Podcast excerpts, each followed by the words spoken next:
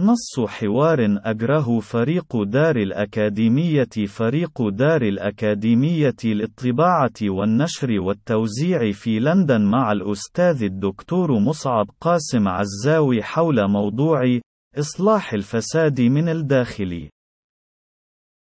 فريق دار الأكاديمية كيف تنظر إلى إمكانيات استخدام وسائل الإقناع المنطقي والحجة الرصينة لمحاولة إقناع المتحكمين بمفاصل السلطة والثروة في المجتمع على ترشيد جشعهم في نهب المفقرين والاستبداد بحيواتهم وحقوقهم؟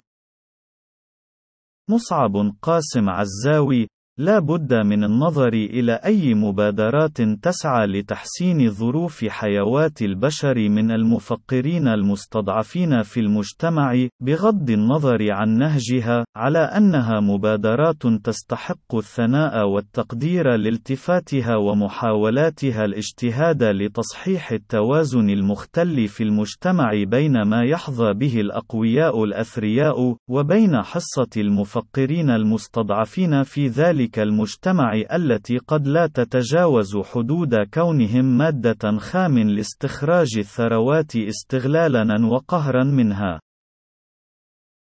وعلى الرغم من ذلك كله، فلا بد أيضا من الإشارة بشكل منهجي متعقل إلى أن كل تلك المبادرات التي تتأسس على طموح تأسيس خطاب رشيد منطقي عقلاني يحاول إقناع الأثرياء الأقوياء المتحكمين بمفاصل السلطة والثروة وما يستتبعها من صناعتي الإعلام والمعرفة على استبطان مقول الرسالة المنطقية الموجهة لهم، لا بد أن يكون مؤلها الإخفاق المطلق، ليس لعلة في فحوى الرسالة المنطقية والرصينة والمتعقلة والخطاب الرشيد الموجه لهم، وإنما لأن ذلك الخطاب ليس له مستقبلات بنيوية في جسد منظومات الهيمنة ونمط وعلاقات الإنتاج المبتناة فيه، والتي تنظر دائما إلى أن آل آليات عملها الهادفة إلى توطيد هيمنتها الكليانية وتوسعتها على مصادر السلطة والثروة، هي أس المنطق والعقلانية والرشاد وجوهره، وأن كل ما يخالف ذلك هو العوار والقصور بعينه.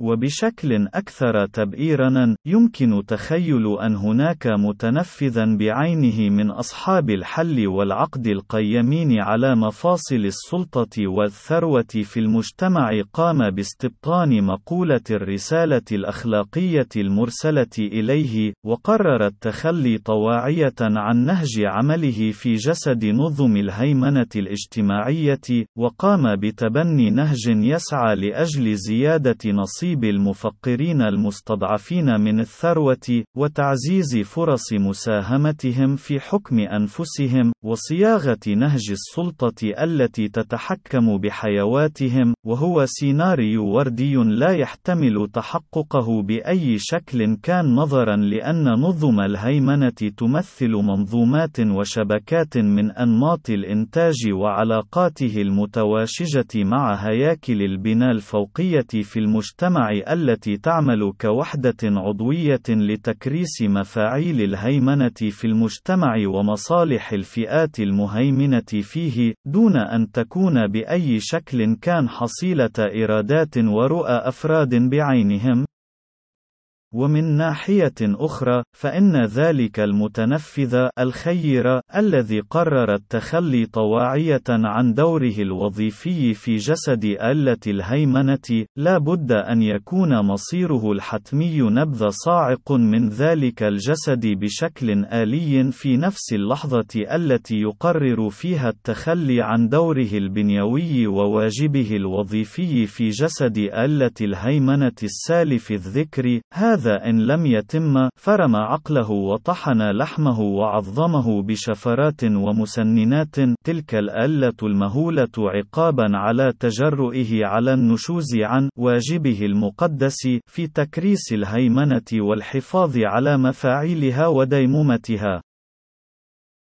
والحقيقة أن كل الجهود الطيبة في إيصال الرسائل الأخلاقية المحقة إلى أذان القيمين على تسيير جسد وألة الهيمنة لم تفلح ولن تفلح أبدا في جهودها الطهرانية، ولا بد لكل عاقل مجتهد في ذلك السياق أن يبحث عن الموئل الحقيقي لمقول رسالته، والذي لا يمكن أن يكون سوى جحافل المظلومين المقهورين المفقرين المستضعفين الذين يمثل تغيير موازين القوى في المجتمع وخلخلة مرتكزات الهيمنة ضالتهم وهدفهم الأسمى حتى لو لم يدركوا ملامحه بدقة ولم يتكشفوا آلية مقاربته بشكل عملي يحتمل أن يفضي إلى نتائج فعلية ملموسة تنعكس في تحسن مستوى حيواتهم ومستقبل أبنائهم